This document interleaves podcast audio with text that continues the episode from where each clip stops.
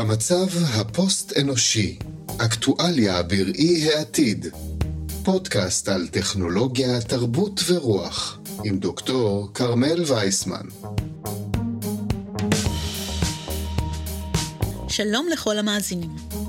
בפרק שעבר הזכרנו בין השאר את אילון מאסק, שמוביל אותנו למאדים בהשראת סטארט-טרק. בפרק הנוכחי נגיב למיזם השני המפורסם של מאסק, ממשקי תקשורת מוח מחשב. למעשה מאסק הכריז לאחרונה שתוך חמש שנים השפה תהפוך למיותרת, וכנראה שנבחר לדבר זה עם זה רק מסיבות סנטימנטליות, כי במציאות של טלפתיה לא יהיה בכך צורך. בפרק הזה נחשוף את המקור ההיסטורי הנוצרי של תפיסת הטלפתיה כמודל לתקשורת מושלמת, ונעמוד על הבעייתיות שלה כחזון לעתיד. בהקשר הזה, נארח את עמית פינצ'בסקי, פרופסור לתקשורת וראש מכון סמארט באוניברסיטה העברית, שהתייחס לנושא גם דרך הדוגמה של טיפול פסיכולוגי עוקף שפה בסביבת מציאות מדומה. מיד מתחילים.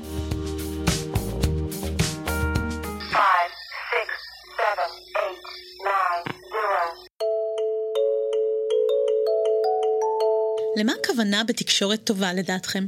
מה המודל של זה? איך נראית מדיה שמאפשרת תקשורת אידיאלית? רוב האנשים חושבים על תקשורת במונחים של העברת מסר, ולכן מדיום טוב הוא מדיום שמעביר את המסר בשלמותו, במהירות, ובאופן זהה לכוונת המוען. אולי גם אתם חשבתם על משהו בכיוון הזה, ואולי אתם חושבים שזה common sense. אבל פילוסוף התקשורת ג'ון דורהם פיטרס טוען שחשיבה כזו על תקשורת כהעברה של מסר היא תוצר של מודל נוצרי של הפצה מיסיונרית חד צדדית של מסר זהה שישתל בלבבות כל הנמענים, ועל בסיס זה באמת התפתחו אמצעי תקשורת ההמונים המוכרים לנו. אבל יש אפשרויות אחרות לחשוב על מהי תקשורת טובה.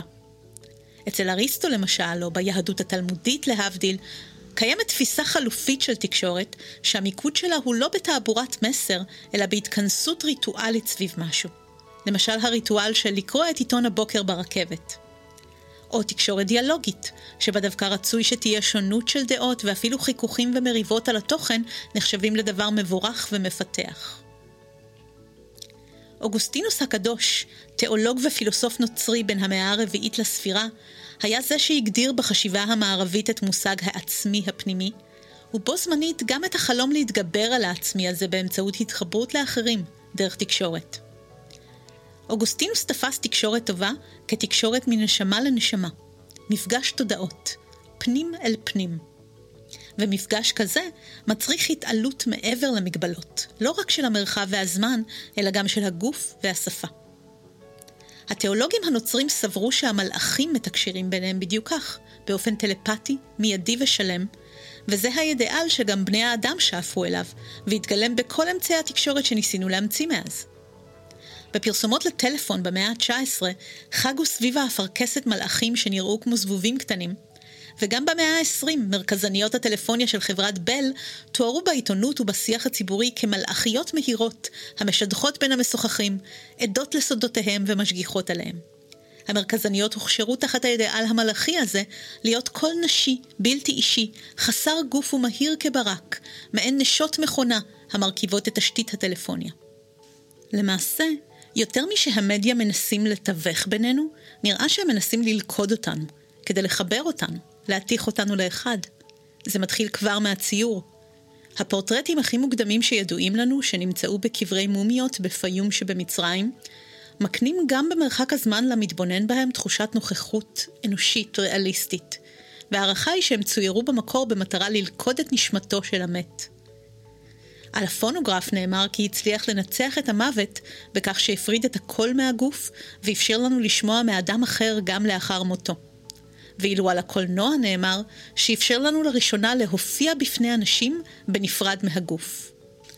אמצעי התקשורת הדיגיטליים כיום מאגדים את כל היכולות הללו במרוץ מתמיד למחיקת הזמן, המרחב, הגוף, ואפילו את חומריות המדיום עצמו, שהופך זעיר, אינטואיטיבי, לביש, ובקרוב, לפי אילון מאסק, ממש בתוך וכחלק מהגוף שלנו. כי כדי להבטיח את הזהות והשלמות והמיידיות הזו של המסר המועבר, אמצעי התיווך צריך להיות ממש שקוף. להפריע כמה שפחות, לא להותיר שום מרחב לפרשנות. אז מדיום טוב באמת הוא מדיום מת. כזה שמעיין, ומייתר תיווך שמאפשר התחת תודעות מיידית ותמידית. טלפתיה מלאכית שכזו. וההנחה היא שזה מה שמייצר הבנה מלאה, שלום והרמוניה. הרי המאמץ שלנו לתקשר, להעביר לאחרים את כוונותינו המלאות בהצלחה חלקית, נתפס כסוג של עונש שקשור לנפילה מגן העדן. כי שם גם אנחנו היינו מושלמים וטלפתיים ולא נדרשנו לשפה, ולאוטופיה הזו נראה שאנו מנסים לשוב. אז פרופסור עמית פינצ'בסקי, אני שואלת אותך, מה רע בזה בעצם? אה, זה מזכיר לי סיפור שאני, שקראתי לפני 20 אה, שנה, סיפור שהתפרסם באמצע המאה ה-19. הוא מספר, רק להראות שאילון מאסק הוא לא, לא, לא אורגינלי בשום, בשום אופן ובשום צורה, וזה היה, זה נקרא In the Year 10,000. שם יש שם סיפור על סבא ונכד שמסתובבים במוזיאון ונתקלים בפעם הראשונה בכל מיני דברים שהם לא מבינים, למשל תמונות של אנשים עם פיות. ואז הנכד שואל את הסבא, מה זה האנשים האלה? יש להם כזה פה מאוד uh, גס וזה, אז הסבא אומר לו, כן, לפני עשרת אלפים או שמונת אלפים שנה אנשים השתמשו באיברים האלה כדי לדבר, לא כמונו כשאנחנו מתקשרים עכשיו באמצעות המחשבה. Uh, וזה היה כאילו החזון, זה החזון האוטופי של כבר מהמאה ה-19 ולפני זה חושבים, מה, אפשר לדבר על מגדל בבל, כן? אילו רק יכולנו לתקשר בצורה מושלמת, אז הכל היה נפתר. כל הבעיות בעולם היו נפתרות. Uh, לדעתי זה חזון בלהות, uh, לא פחות מזה. תקשורת מושלמת היא, היא, היא, היא חוסר תקשורת מושלם. ובלי שפה, שפה היא יחס חברתי. אי אפשר לתאר יחס חברתי ללא שפה. כשאנחנו מדברים, אנחנו נמצאים ביחס חברתי אחד עם השני. כשמנסים לתאר מציאות שבה התקשורת אה, מתבצעת ללא שפה, אז זה למעשה ביטול מוחלט של היחס החברתי. זה אני חושב שאף אחד לא היה רוצה לחיות בסיטואציה שבה אין יחסים חברתיים, אלא יש סוג של אינטראקציה, כן, בין, אה, בין מוחות, או יחסים של העברת מידע. זה חזון בלהות, אני חושב, אני לא רואה בזה שום דבר אוטופי. יש, יש כמה דרכים להסתכל על זה. הדרך הראשונה, אני אסתכל על זה באופן אה, לוגי. מהרגע שיש, ברגע שתהיה תקשורת מושלמת, כמו שאת מתארת, אז לא תהיה תקשורת. כי למעשה, למה אני צריך לתקשר? כן, ברגע שהעברתי את המסר, אני מעביר את כולי, כל, כל הישות, כל התודעה שלי אל מישהו אחר ו, ו, ומהכיוון השני, אז למעשה אני כבר לא רואה אח, אחר בצד השני, ואחר לא רואה אותי, אנחנו כבר על מישור שווה. לכן ברגע שיש, תקשורת תהיה מושלמת, היא לא תהיה תקשורת, כי פשוט לא יהיה צורך בה, כן? שלחתי את הפקס, הפקס התקבל, נגמרה התקשורת. כל עוד תקשורת היא לא מושלמת, אז היא קורית. אה, זה, זה באופן פרדוקסלי, כדי שתקשורת תתקיים ותמשיך כיחס חברתי, היא כל הזמן צריכה להיות עניין של משא ומתן על משמעויות, על כוונות. לעולם אני לא יכול להעביר את עצמי אל מישהו אחר. אנחנו לא יכולים לחלוק תודעות. אה, זאת מחשב, זה רעיון שווא לחלוק תודעה, מפני שהוא מניח שהתודעה שלנו היא משהו שניתן לייצג בסימנים כאלו או אחרים, ואפשר לשלוח אותה או לאחסן אותה באיזשהו מקום, או לשים אותה על דיסק אונקי או על דיסק קשיח, ואז אני יכול להסתובב איתה בכיס. אבל, אבל זאת, זאת חשיבה מאוד רדוקטיבית של מה זאת תודעה ומה זה, אפשר לדבר על מה זה יחס חברתי. כי תודעה זה, זה הרבה יותר מסך הזיכרונות שלי או הפעולות שלי כפי שאני יכול לשמור אותם באיזשהו מקום. פעולה זה, זה, זה עצם הקיום שלי בעולם בהווה והאינטראקציות שלי. זה משהו שאי אפשר לסכם לתוך uh, אלגוריתם. או לפחות כל אלגוריתם יהיה, יהיה כזה שיפעל על בסיס ההיסטוריה של הפעולות ולא על פי ההווה של הפעולות. אה, אז מצד אחד יש פה, יש פה מיתוס עתיק כמו של מגדל בבל, שמסתכלים על מגדל בבל בתור עונש שאלוהים, אה, אה, נכון, הפיל על הבבלים מפני שהם חטאו, כי הם רצו אה, לבנות מגדל עם הראש בשמיים ובעצם להתגרות באלוהים, אבל אני חושב שהמחשבה הרבה יותר מעניינת זה להסתכל על מגדל בבל, על עונש של מגדל בבל כברכת מגדל בבל. הוא דן אותם לאי תקשורת תמידית, אנחנו כל הזמן צריכים לתרגם את הכוונות ואת המשמעויות שלנו אחד לשני, אפילו אם זה באותה שפה, לא רק בין שפות. להיות בתקשורת זה להיות במשא ומתן מתמיד על משמעויות. זה תקשורת וזה יחס חברתי. ברגע שאנחנו נוכל אי פעם, אילו נוכל, אני לא חושב שזה אפשרי, להגיע לתקשורת מושלמת, אז אנחנו מחסלים את התקשורת ואנחנו מחסלים את היחס החברתי, יחד עם זה. אנחנו חיות שמחליפות סמלים. זה, זה מה שאנחנו עושים, ככה אנחנו מתקשרים. אה, מכאן ואיך אנחנו תופסים את, ה, את, ה, את הסמלים האלה אצלנו בתוך התודעה, יש קפיצה. אה, ואז כביכול, שוב, המחשבה הזאת שבעצם השפה היא סוג של פרוטזה לא מתוחכמת, שאולי הגיע הזמן להיפטר ממנה, אה, זו מחשבה שהיא מלווה את התקופה המודרנית לכל אורכה. למשל, היו ניסיונות במאה ה-20 אה, לפתח שפות, שלא לדבר על שפות, אה, כמובן, שפות אוניברסליות, שגם כן ניסו לחפש מצב שבו אולי כל בני אדם ידברו אותה שפה, אז לא יהיו חיכוכים בני עמים, בין עמים, בין אנשים. או למשל לקחת שפה, את האנגלית למשל, ולכווץ אותה. זאת אומרת, במקום שיהיו 40 אלף מילים, שיהיו 800 מילים.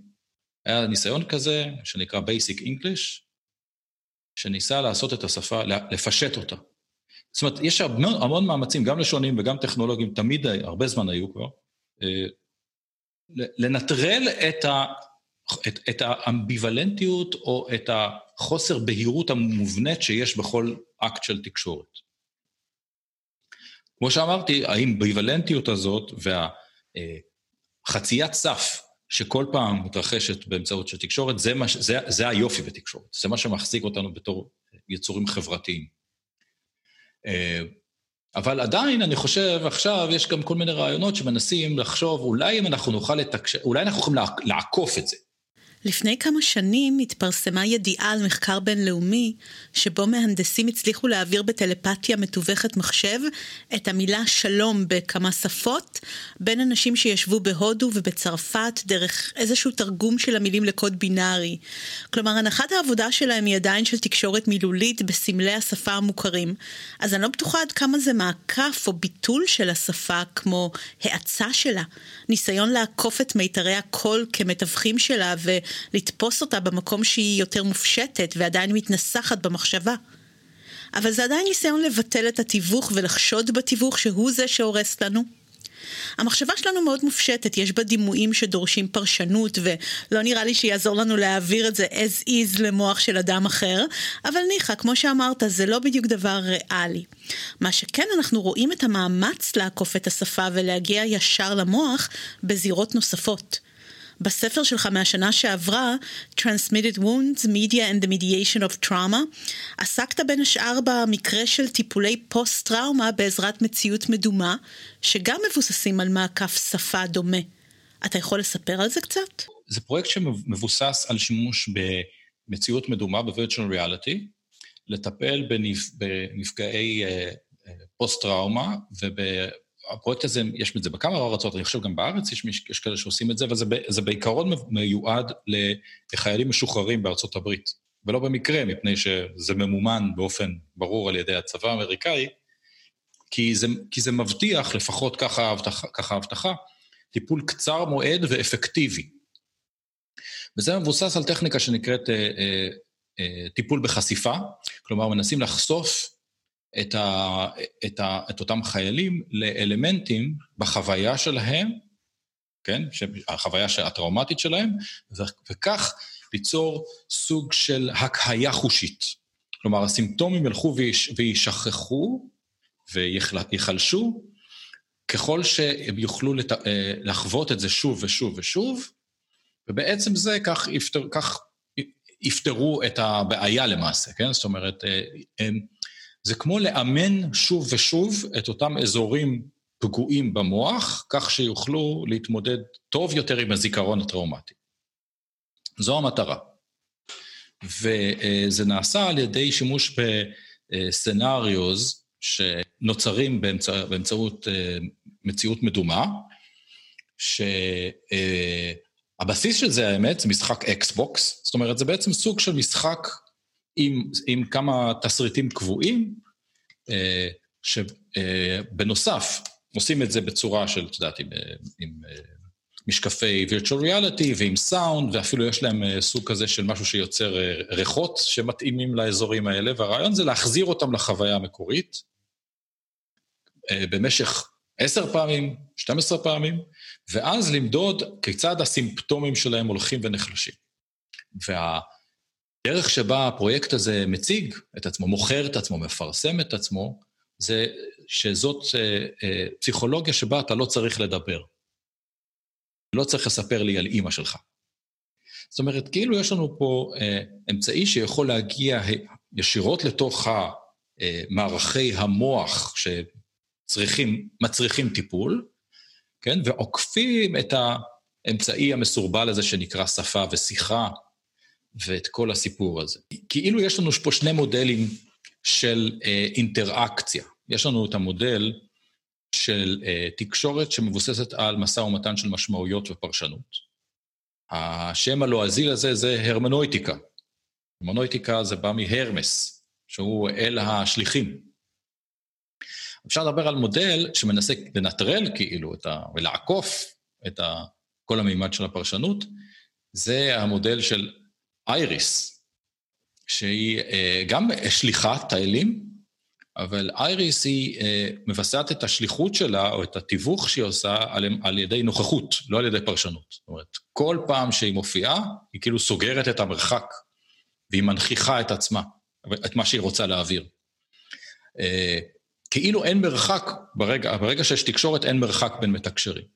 בעוד שכל אקט של פרשנות בעצם מחייב מרחק, מחייב אה, אה, סוג של פער, שמתוכו צומחת הפרשנות והמשא ומתן. אה, גם פה אני חושב שיש אה, בעייתיות בניסיון לחשוב על תקשורת בתור משהו שיכול למחוק פערים ולסגור פערים וליצור סוג של, את יודעת, instant access לתודעה של מישהו, או לפ... לא, לא לתודעה, אז לפחות, את יודעת, סוג של אה, גישה ישירה אל המוח תוך מעקף של השפה.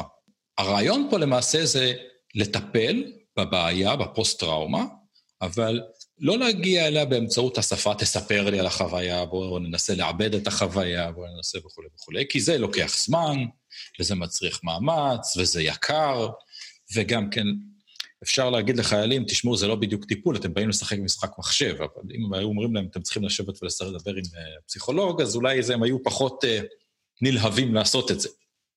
בקיצור, זה משהו שיש לו את, כביכול את כל הפלוסים שאפשר לחשוב עליו. אני כרגע לא, לא נכנס לשאלה אם זה עובד או לא עובד. כלומר, אם זה יעיל מבחינה קלינית או לא. אני לא, לא נכנס לזה כי זה לא התחום שלי. אני מנסה אבל לחשוב מה ההשלכות של זה. מה ההשלכות, למשל, של אה, צבא, כמו צבא בארצות הברית, אבל גם כל צבא שלנו, כן? שיודע שהוא יכול למעשה, כן? אה, להתמודד, לנרמל את המצב שבו החיילים שלו הם סובלים מטראומה, ובאופן כזה שהוא יודע, אוקיי, אז אה, אני יכול להתמודד עם זה, כי יש לי לזה, יש לי לזה תוכנית אה, פעולה, תוכנית ריפוי. יותר מזה, יש להם עכשיו פרויקט שבו, בהתבסס על הטיפול שהם עושים לחיילים בפוסט-טראומה, הם מכינים תסריטים לטפל במה שהם קוראים לזה טרום טראומה. זאת אומרת, אם אני יודע שסצנריוז מסוימים עלולים לגרום אה, טראומה אצל חיילים, אז לפני שהם נשלחים לשירות שלהם באפגניסטן, בעיראק, איפה שהם צריכים להתחכך באוכלוסייה האזרחית וכולי, נכניס אותם, נריץ אותם להדמיות כאלה, ואז הם יהיו יותר חסינים נפשית מפני אה, אה, סיטואציות שבהן הם יכול, עלולים לפתח פוסט-טראומה. ופה גם כמובן יש אה, שאלה, אני חושב, אה, מוסרית משמעותית. אה, אם אנחנו מנגידים שוב את העניין הזה, כן, של פרשנות אל מול אה, נוכחות, כי זה בעצם מה שהמודל הזה אומר, אני מחזיר אותך כביכול בזמן אל המקום, אל זירת הפשע או אל זירת הטראומה, אנחנו נעבוד ונחווה אותה שוב ושוב עד שהיא פשוט פחות תהיה, תעשה לך טריגר, פחות, כן? תפעיל את המנגנונים הטראומטיים או חרדתיים. אה, זה למעשה מייתר כל עמדה מוסרית ביחס למה שקרה שם. אז אני לא צריך באמת להתמודד עם מה שעשיתי או מה שלא עשיתי, עם מה שהייתי צריך לעשות, עם מה שמישהו אחר היה צריך לעשות. זה, זה, זה, זה, זה עושה ככה זום אין לבעיה, כן? מאתחל אותה או מנסה לאתחל את המצב, ואפשר להמשיך בחיים. בעוד שהתייחסות לשונית, התייחסות פרשנית, מחייבת אותי לקחת עמדה ביחס למה שעשיתי. מחייבת אותי לנסח את מה שעשיתי במילים, ובאופן זה, כן, להפוך מישהו, כולל את עצמי, לנמען של מה שעשיתי. המחיר, במרכאות, או לא במרכאות, כן, של חיסון מטראומה, אה, אפשר להסתכל על זה בצד החיובי, הנה, אולי יש פה פתרון. כרגע, עוד פעם, אני לא מתווכח אם זה נכון או לא, יש המון שאומרים שזה לא עובד ושזה מסוכן וכולי, אני לא נכנס לזה. אני רק אומר, עצם ההבטחה שזה מבטיח, שהנה יש לנו אמצעים טכנולוגיים להגיע אל המנגנונים המוחיים בלי לעבור דרך השפה, עצם זה אה, מנטרל עמדה מוסרית שממילא אה, מעורבת בכל סיטואציה של טראומה, מכיוון שאם אני הייתי הקורבן, אם אני הייתי מקרבן, אם הייתי גם וגם, כן? אני צריך להתמודד פה עם שאלות מוסריות, בצורה כזאת או אחרת. ופה זה בעצם מנטרל את, ה, את, ה, את, ה, את המצב הזה. אני לא צריך, ויש מי שיכול להגיד שאולי אפילו זה עדיף, נכון? אם מישהו חושב על זה במונחים צבאיים, במונחים ציניים אולי אפילו, מצוין, אז יהיו לנו חיילים אה, חסינים מפוסט-טראומה, מה רע? הם יהיו יותר, אה, הם ידעו שהם יהיו יותר מוכנים לבצע דברים, הם ידעו שיש לזה פחות מחיר, הם ידעו שאם הם, הם חווים משהו, אנחנו נוכל לרפא אותם מזה. טוב לכולם. האומנם, אני שואל, האמת זה באמת, האם, מה המחיר פה? מה המחיר הארוך טווח והעמוק יותר שיש לסיטואציה כזאת? מה שאתה מתאר פה הוא לא רק בעיה מוסרית, אלא יחס לא אנושי או פוסט-אנושי לאדם. הבנה הרי דורשת מרחק לשם פרשנות ופרספקטיבה כדי לגבש עמדה. ובטיפול שכזה, האדם לא אמור בכלל להבין את עצמו. העיבוד נחסך ממנו והטראומה נמחקת לו. התהליך שאתה מתאר הוא תהליך של מחיקה וניסיון תכנות, שמתייחס לאדם כאל מחשב עם קובץ דאטה פגום. וזה נראה לי גם שינוי ייעוד רדיקלי בתפקיד של המדיה, אמצעי התיווך. היא אמורה להביא משהו מהפנים המופשט אל החוץ הגשמי, להביא אותו אל החומר, לבאר אותו, לשים אותו בתוך סיפור. ואילו המדיה הזו שאתה מתאר הופכת כיוון. היא לוקחת חוויית טראומה שקרתה בעולם, שיש לה סיפור, ומנסה לקודד אותה חזרה למקום מופשט ולא נגיש, ל database הפנימי. במקרה הספציפי הזה, שוב, ה- היכולת לשים, את, לשים בסוגריים את הנרטיב, להגיד, אוקיי, אנחנו אולי לא צריכים אותו, אולי אנחנו לא צריכים אותו באופן כמו שהיינו צריכים אותו, אלא אנחנו יכולים באיזשהו אופן להגיע ישירות, ישירות לתודעה באיזשהו אופן, כן? אה, וזה אפילו לא לתודעה. כלומר, המטרה למעשה זה המערכת הלימבית, זאת אומרת, המערכת היותר בסיסית, כן? ה, אם תרצי, כן? מערכת ההפעלה. הדבר הבסיסי יותר, עוד לפני בכלל שיש לנו איזשהו ייצוג של, אה, אה, של משמעויות קוגנטיביות, זה המקום שבו יש את כל הטריגרים. אז שם אי אפשר, עם זה אי אפשר לטפל בשפה, ככה טענה לפחות, כן? את זה צריך, את זה, בזה צריך לטפל במישור האפקטיבי, הפיזי, כן? צריך לאמן את זה מחדש, צריך לאתחל את הרגישויות, צריך... זה, זה שפה אחרת, זה דרך אחרת בכלל להגיע למקום הבסיסי הזה של מהו אנושי ומהו לא אנושי. אה, ואולי צריך לזכור, אה, כמו שהתחלת להגיד, שהדבר אולי הכי אנושי, והוא בא בעת גם פוסט-אנושי, זה העובדה שאנחנו מתווכים, משתמשים בתיווך על מנת אה, להעביר רעיונות. זאת אומרת, מהרגע שאנחנו מתחילים לכתוב, אנחנו כבר פוסט-אנושיים. כן? אנחנו אימצנו, המצאנו לעצמנו טכנולוגיה. טכנולוגיה שאין שום דבר ביולוגי בה, אין שום דבר מתבקש בתוכה. אנחנו כבר מחצינים את עצמנו. אנחנו כבר מאפשרים העברה של תודעות, אם אפשר לקרוא לזה, כן? רעיונות, מחשבות. אה, אבל בכל סיטואציה של תיווך, התיווך גם שומר, מקיים, את, ה, את המרחק ואת הפער בין המתווכים. בכל מקום שבה, שהתיווך מנסה לעיין את עצמו, בצורה כזאת שהוא מבטיח אה, אה, מצב של היתוך והרמוניה ומחיקת הפער. כל, כל מצב כזה, לדעתי, צריך לחשוד בו מראש. יש מי שירוויח מזה, גם מאיזשהו חזון כזה, כמו של אילון מאסק, של, של uh, החלפת uh, תודעות וביטול השפה. כן? Uh, לא סתם, אל הון uh, ניאו-ליברלי חושב בצורה כזאת. כן? יש בזה משהו שהוא לחלוטין עולה בקנה אחד עם תפיסה כזאת של הכל זה מידע, את הכל אפשר וצריך להחליף, אפשר למדוד, אפשר, אפשר להעביר, כל דבר אפשר לתרגם למערכות של, לרשתות אה, של דאטה ושל משהו שאפשר אחרי זה גם כן אולי לחפור בו, לסחור בו, אה, לעבד אותו וכולי. יש משהו, יש קו מקשר בין הדברים האלה, זה לא במקרה שמי שמתעסק בזה רואה בזה את העתיד. אוקיי, okay, שכנעת אותנו שהחלום על תקשורת ללא שפה ומדיית מחשב מוח הוא לא חלום ראוי. אז מה האלטרנטיבה בעצם? איך נראית מדיה חדשה בעולם ידידותי לאדם? מדיה שחורגת מהמסורת הנוצרית שלה ומאמצת אולי את הרעיון הסוקרטי-יהודי של השונות? ב-2005 בספר הראשון שלך, The Ethics of Interruption, טענת בזכות אי השלמות של המסר כמרחב אתי. אז מה, אנחנו אמורים פשוט להישאר עם המדיה המקרטעת שלנו ובמקום להתעצבן עליה פשוט לברך עליה? צריך לזכור שמה שהמדיה בעצם מזכירים, עצם היותם, מזכירים לנו את הפערים ואת המרחק ביניהם. הם מנציחים את המרחק ביניהם. הם לא רק מעיינים את המרחק, אלא הם, הם, הם, הם, הם מאשרים אותו ומאשררים אותו כל פעם שהמדיה פועלים. למעשה, צריך לחשוב אולי על המדיה בתור האמצעים האולטימטיביים להנצחת הפערים. ולהנצחת המרחק, ובתור ההבטחה שיש לנו לא להבין אחד את השני עד הסוף אי פעם. תחגגו את אי ההבנה, תחגגו את אי המושלמות. זה מה שעושה אותנו בתור, ליצורים חברתיים, זה מה, ש, זה מה שמכריח אותנו לתקשר שוב ושוב ושוב.